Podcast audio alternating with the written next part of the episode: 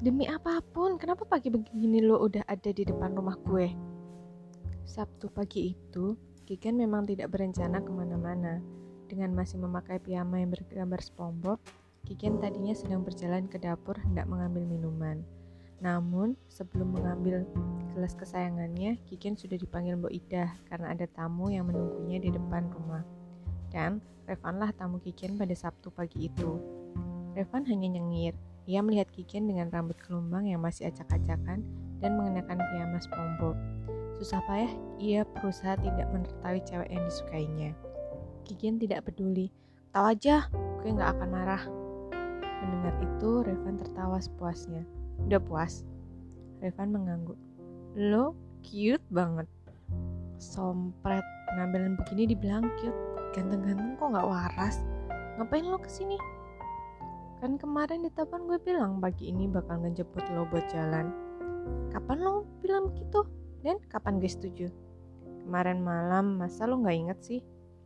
Kemarin malam, Revan memang menelpon Kikin. Dan memang Kikin terlelap saat Revan masih mengajaknya ngobrol. Mungkin saat itulah Revan mengatakan tentang janji hari ini. Dasar cari kesempatan, tahu gue udah tidur malah bikin janjian kayak gini. Curang banget sih lo. Revan hanya mengangkat kedua bahunya. Janji harus ditepati. Oke, tapi gue gak mau jalan ke mana-mana. Gue mau ngerjain laporan analisis performa. Udah harus beres semuanya. Dan gue masih ada banyak laporan yang masih selesai. Terserah lo kalau lo mau jalan, tapi maaf, gue gak bisa nemenin. Atau lo boleh bantuin nemenin gue ngerjain laporannya. Revan tak langsung mengiyakan. Ia menimbang tawaran tersebut sebelum akhirnya nyengir lebar. Oke deh, gue bakal nemenin lo bikin laporan asal bareng bareng lo mau ngerjain di mana. Di rumah aja biar lebih nyaman. Tentu saja Kikin tak mungkin mengajak Revan ke dalam rumah sambil mengerjakan laporan analisis performa perusahaan kalau tidak ada maksud. Terlalu romantis. Kikin mengajaknya untuk mengerjakan di rumah adalah agar Revan tidak mengajaknya jalan-jalan dan berkesempatan untuk mengadakan acara kencan buatan. Ditambah, mama, bapak, Papa dan Kak Ivon sedang tidak ada di rumah. Mereka pergi bersama keluarga Kak Abi untuk mengunjungi gereja yang nantinya akan menjadi tempat dilangsungkan pemberkatan nikah. Seharusnya Kikin ikut, tapi karena memang kerjaannya masih menumpuk, Kikin diperbolehkan tinggal di rumah oleh mama dan papa. Begitu mereka sudah berada di ruang keluarga, Kikin menoleh ke Revan. Lo tunggu di sini dulu, gue mau mandi. Oh ya, lo mau minum apa? Apa aja? Jawab Revan sambil memandangi seluruh sudut rumah. Kikin menitip pesan kepada Mbok Ida untuk membuatkan minuman untuk Revan. Sementara ia pergi ke kamarnya untuk mandi. Kikin sengaja berlama-lama saat mandi. Ia keramas lebih lama dan menambahkan sesi cream bath. Kikin juga melakukan lulur, walaupun sebenarnya ia bukan tipe cewek yang senang menghabiskan waktu lama di kamar mandi. Cuma karena ingin membuat Revan kesal, lantas ia melakukan sesi mandi yang tidak seperti biasanya. Selesai mandi, Kikin mengenakan celana pendek selututnya dan kaos yang kebesaran, mengikat rambut gelombangnya dan membiarkan gerayannya jatuh sedikit. Ia lalu memakai bedak bayi dan lotion seperti ritual biasanya. Ia melihat ke kaca sekilas dan merasa dirinya sama seperti saat berdandan jika hanya di rumah. Ia tersenyum puas karena berhasil terlihat tak sedikit pun berusaha berdandan hanya agar dipuji Revan. Kikin menghampiri Revan yang duduk sambil membaca majalah yang terletak di atas meja. Sorry, lama. Revan menoleh, lalu memandang Kikin dari atas ke bawah, tidak tersenyum, tetapi juga tidak merenggut. Enggak apa-apa, lo termasuk cepat kok. Lo nggak kelamaan menunggu. Lo mandi lebih cepat dibandingin mantan-mantan gue kok. Mereka butuh satu jam hanya untuk mandi. Mandi aja lo belum sama pakai baju. Kiken cemberut. Niat ingin membuat Revan kesal malah terbalik.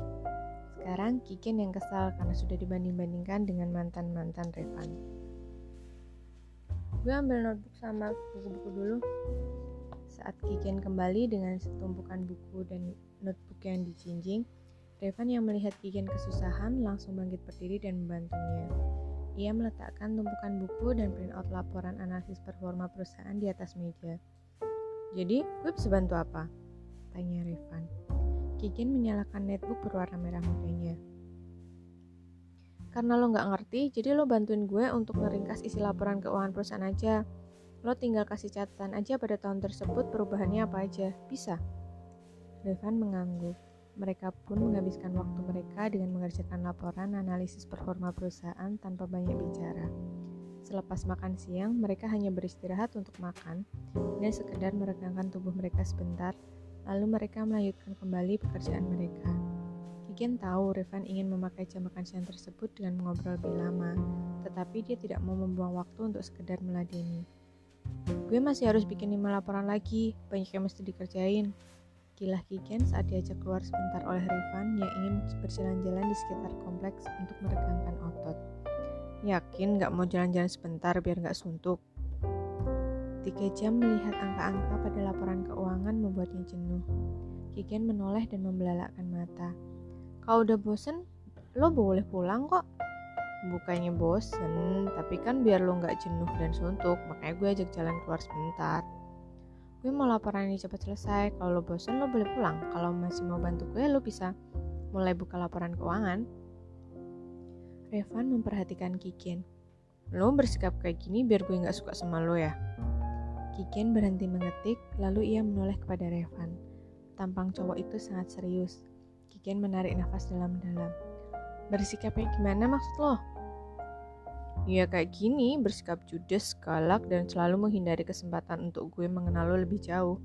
Gue berusaha untuk bikin lo seenggaknya tersenyum kalau bareng gue. Tapi usaha gue selalu gagal. Lo bener-bener gak suka gue. Benci gue? Bilang aja biar kita bisa ngomongin terang-terangan daripada sikap lo kayak gini.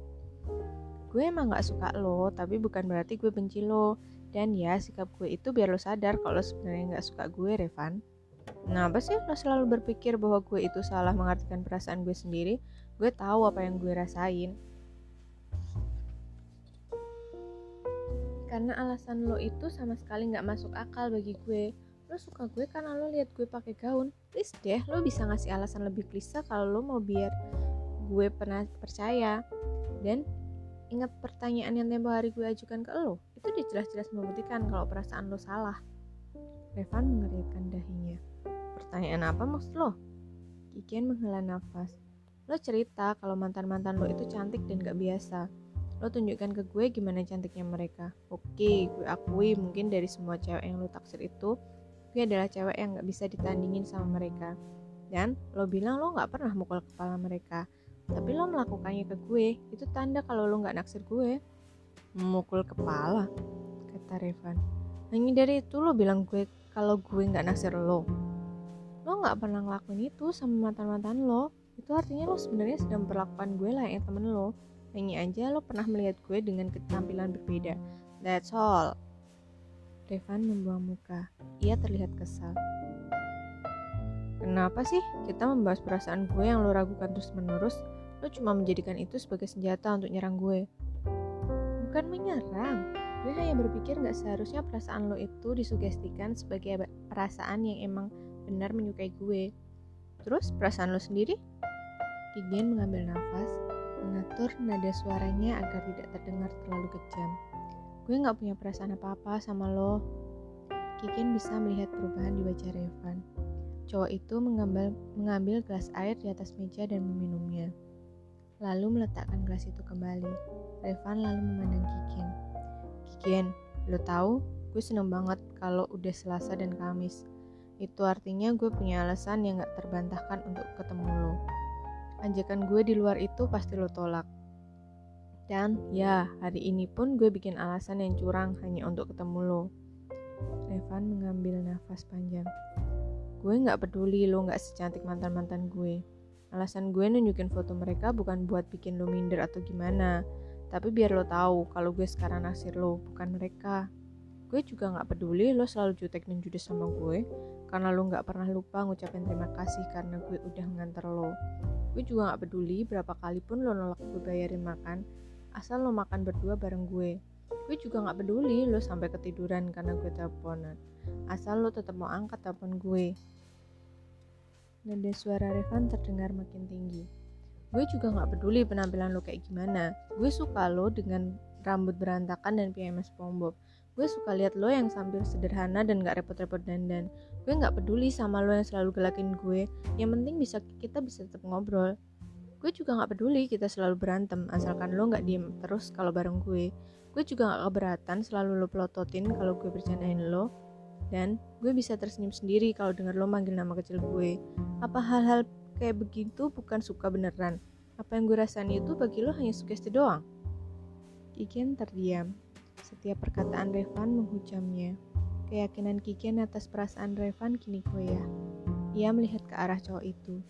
Revan sudah berhenti bicara, tetapi masih memandang Kigen dengan tatapan sedih. Sorry, Van. Kigen hanya mampu mengatakan itu. Revan menunduk. Mereka terdiam beberapa saat. Revan mengangkat wajahnya. Perasaan sedih campur kecewa terpatri di wajahnya. Oke, gue bisa ngerti. Mungkin ada baiknya kalau kita nggak ketemu lagi. Lo nggak keberatan kan? Kigen tak langsung menjawab. Ia menggigit bibirnya. Bukan maksudnya untuk per, melukai perasaan Revan seperti ini. Dan ia pun berencana untuk mengakhiri ini setelah pekerjaan ini selesai satu bulan lagi. Bukan begini yang Kikin rencanakan. Kini ia hanya bisa menjawab dengan gelengan kepala. Revan mengangguk. Oke, gue bakal bilang ke Opa. Ia meletakkan dokumen laporan keuangan di tangannya di atas meja. Sorry, gue gak bisa bantu lo ngerjain ini sampai selesai. Atmosfernya udah gak nyaman buat kita berdua di tempat ini. Gak apa-apa. Revan bangkit berdiri. Gue pulang duluan kalau gitu. Jaga diri lo ya. Kiken merasakan sentuhan hangat tangan Revan di kepalanya. Ia hanya mengangguk saat Revan pamit.